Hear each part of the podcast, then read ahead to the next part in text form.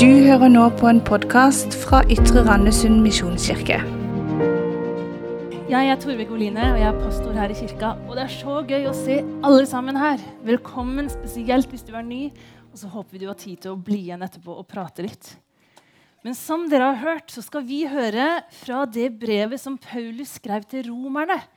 Og romere det er de som bodde i Roma. Det så kanskje litt sånn ut. Er det noen som vet hvor Roma er? Ja, hovedstaden i Italia. Og den, På den tida Paulus skrev til Roma, så var det ca. 1,2 millioner mennesker som bodde i Roma, og som da har fått brev fra Paulus. Tror du han hadde skrevet mail i dag? Jeg tror kanskje det, Men han hadde ikke sendt en snap og han hadde ikke chatta, for han hadde masse å si. Så han måtte ha masse plass til å si det han ville. Og det brevet som han skrev til romerne, det var sannsynligvis en papirrull som ble rulla ut, og som noen hadde kjørt båt veldig langt for å komme til Roma med. Og så var det noen som ga det fra Paulus og til de som var de kristne i Roma. Og i dag så er dette brevet blitt en av bøkene i Bibelen. Og For at det skal være enklere for oss å lese i den, så er den delt inn i kapitler og i vers. Og I dag så skal vi se på det som er blitt Paulus sitt brev til romerne, kapittel 8. Og dette er et av mine favorittkapitler i hele Bibelen. Og det er så mye sant, og det er så mye godt i dette brevet. Og vet du hva det aller beste med brevet er? Kapittelet 8. Det er inngangsporten. Har du vært på Sørlandssenteret og skal ut og handle? Hva er det du ser etter da? Du ser jo etter hva som står over døra. Og hvis du er ute etter en ny bukse, så går kanskje du der. Den er jeg altfor gammel for. Men da tenker du jeg vet hva jeg får hvis jeg går inn på Wow. Eller så er du ute etter sko. Og da må du jo se etter en butikk som har eurosko. Og det her er noe som bare tiltrekker oss damer veldig, for vi skal jo spare penger på salg. Det er masse skosalg. Og hvis det står over døra, så går vi inn, og så veit vi litt om hva som venter oss. Og vet du, Kapittel 8 det har også en sånn der inngangsport eller noen skilt over døra. Og vet du hva som står over døra til kapittel 8? Der står det Så er det da ingen fordømmelse for den som er i Kristus Jesus. Og Det er det som starter hele kapittelet. Og det er akkurat som Før du går inn i resten, så må du bare huske å gå inn i inngangsporten. Og så er du gått kanskje fra fordømmelse og til ingen fordømmelse. Men hva er det? Hva er fordømmelse? Jo, i ordboka så står det at det enten er å uttrykke sterk motstand mot en handling eller en person, eller så er det å dømme noen til straff. Og når det står at det er ingen fordømmelse i Kristus Jesus, så betyr det at Jesus har ingen sterk motstand mot deg, og han har ikke tenkt å dømme deg. Og så så vi allikevel på filmen at av og til så er det vi som står for å fordømme oss sjøl. Det er vi som er strenge med oss sjøl, og som sier skikkelig kjipe ting med oss sjøl. Skal jeg si dere noe, barn? Det er faktisk noe vi voksne kanskje av og til bare blir bedre og bedre eller dårligere og dårligere på jo eldre vi blir. Og noen av oss begynte på ungdomsskolen eller videregående. Å, bare en femmer. Å, jeg er så dum! Jeg hadde jo tenkt å få en sekser. Å, jeg kommer aldri til å klare det. Eller Åh, ingen lo når jeg sa den kommentaren på Ytre, og det var så kleint. Er det bare jeg som syns jeg er morsom? Å nei, å nei, jeg må ikke joke igjen foran folk. Og så fordømmer vi oss sjøl. Og til og med vi som er kristne og har levd lenge med Jesus, vi kan også ha selvfordømmelse fordi vi tenker at vi ikke er gode nok kristne, eller at ikke vi leser nok i Bibelen, eller at vi føler nok. Av og til så kjenner jeg at jeg ikke er en god nok mamma eller kone eller god nok på jobb, og så kan det komme selvfordømmelse. Men hør, da. I 1. Johannes 3 så står det noe utrolig fint som vi kan ta til oss, vi som av og til er litt strenge med oss sjøl. Slik skal vi vite at vi er i sannheten, og vi skal la vårt hjerte falle til ro for hans ansikt. For selv om hjertet vårt fordømmer oss, så er Gud større enn vårt hjerte. Og han vet alt.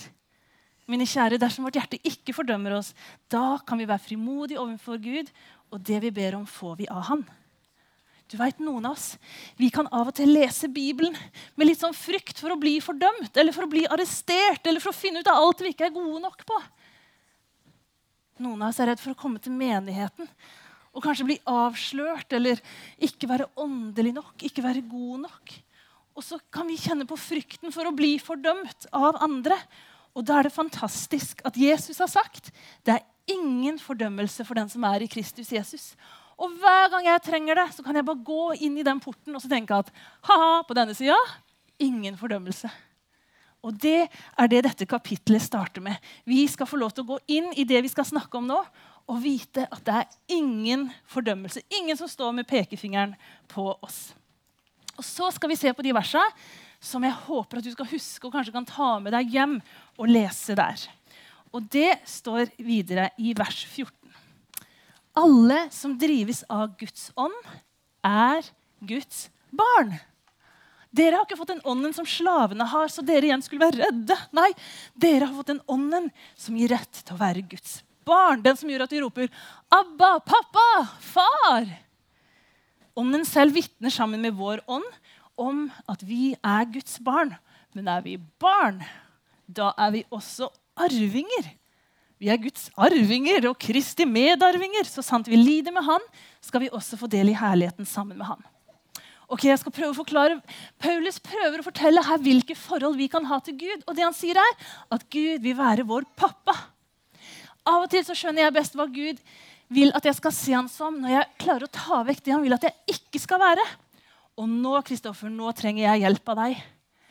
For det første jeg har lyst til å si, at Gud ikke har lyst til å være, kom med den, det er en streng politi. Har du sett en så streng politisjef? Og vet du hva? Da Jesus levde, så var det mange som trodde at Gud bare var ute etter å ta dem. Og så kom Jesus for å vise oss det perfekte bildet av Gud. Og han kom ikke for å dømme verden, men for at verden skulle bli frelst ved han. Så Jesus, som var det perfekte bildet av Gud, den perfekte sånn representanten for Gud, han var bare god. Han var raus. Han løfta opp de som var nedtrykt. Og så står det at han helbreda syke. Hør, Gud han er en god pappa, og han har lyst til å vise godhet mot deg. Han har ikke lyst til å dømme deg, ta deg på noen måte. Og Samtidig, nå må vi hente den neste tingen, så er ikke Gud bare en kosebamse. Er det noen som har en sånn hjemme? Skal du ta den store bamsen, Kristoffer? Gud er ikke bare en kosebamse. For kosebamsen den kan være en sånn god trøster, sånn deilig å ha med i senga. En du kan fortelle litt ting til når du legger deg. Og... Men den er kanskje litt hemmelig.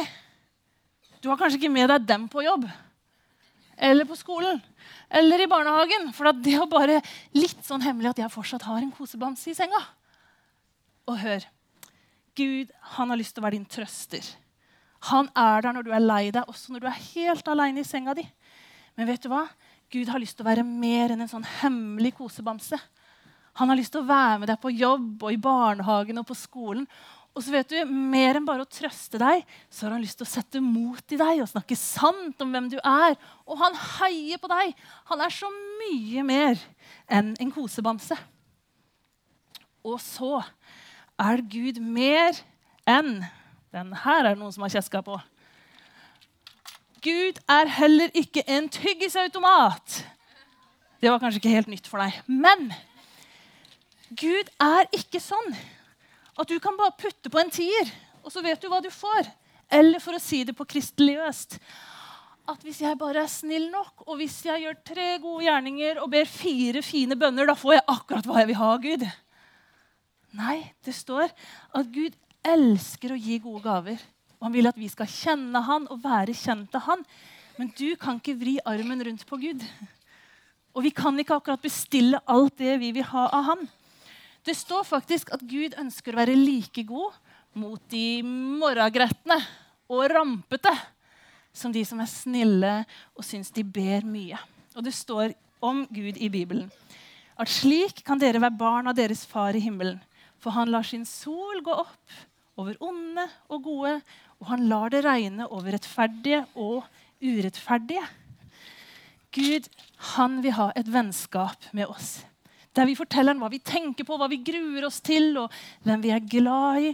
Og så elsker han å gi gode gaver i sin tid og på sin måte. Han vil være far, ikke en som du bare kommer til når du vil ha et spesifikt svar. Da gir vi en klapp til Kristoffer, som har vært god å hjelpe.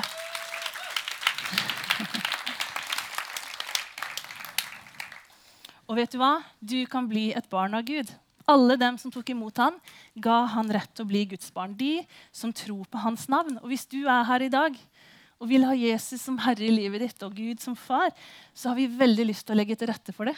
Du kan få lov til å invitere han inn i det som fyller livet ditt. Og så vil han ta vekk både fordømmelsen og selvfordømmelsen. Det som er synd, og det som er vondt. Og så vil han fylle deg med sin ånd. Men vet du hva som sto videre i det verset? Det står at vi er Guds barn, og så står det at vi er arvinger. Jeg håper du ikke har begynt å tenke på arven enda. Eller at du har begynt å planlegge hvor mye den kan komme på. Hva er det egentlig å arve? Og da tenker jeg ikke på å arve litt for store klær, men liksom arven. Det som noen etterlater seg til deg. Jo, å arve noe, det er at du får noe. Bare fordi du er barn av noen. Og Et eksempel på noen som har arva noe veldig, det er disse to. Og tenk, disse to står på en do på en kafé i Grimstad. Er ikke det kult? Det er som en god gammeldags utedo. Kan se det enda litt større, og Der får du altså ikke tisse i fred.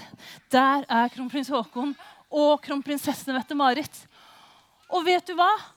Håkon han er blitt kronprins bare fordi han er sønnen av pappaen sin. Han har arva tittelen, han har arva kongedømmet. på en måte.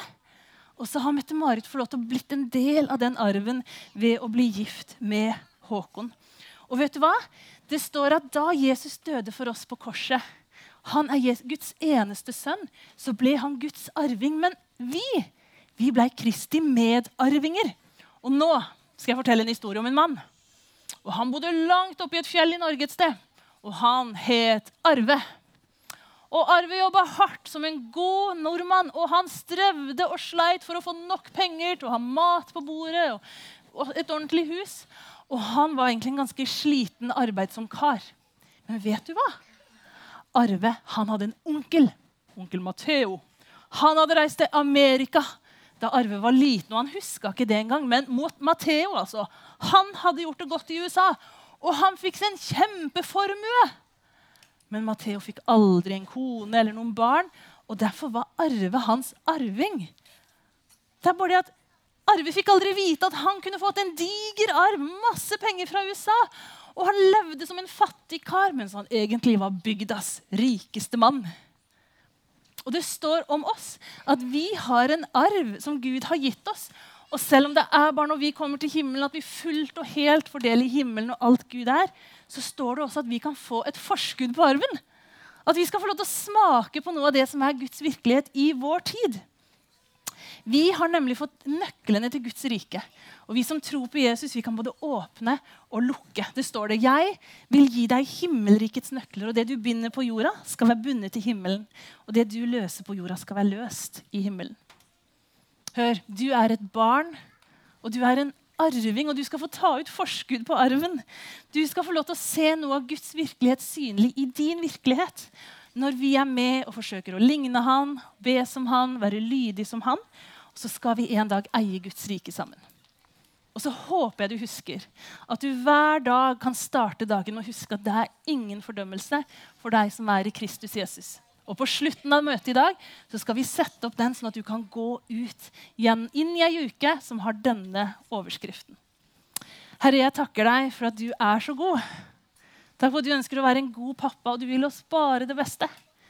Takk for at du kjenner hver og en av oss som er her. Og du veit hvis vi trenger å forandre litt bilde av deg. Enten vi er redd du er streng, eller vi har deg som en hemmelig kosebamse, eller vi syns du leverer litt lite svar i forhold til det vi bestiller.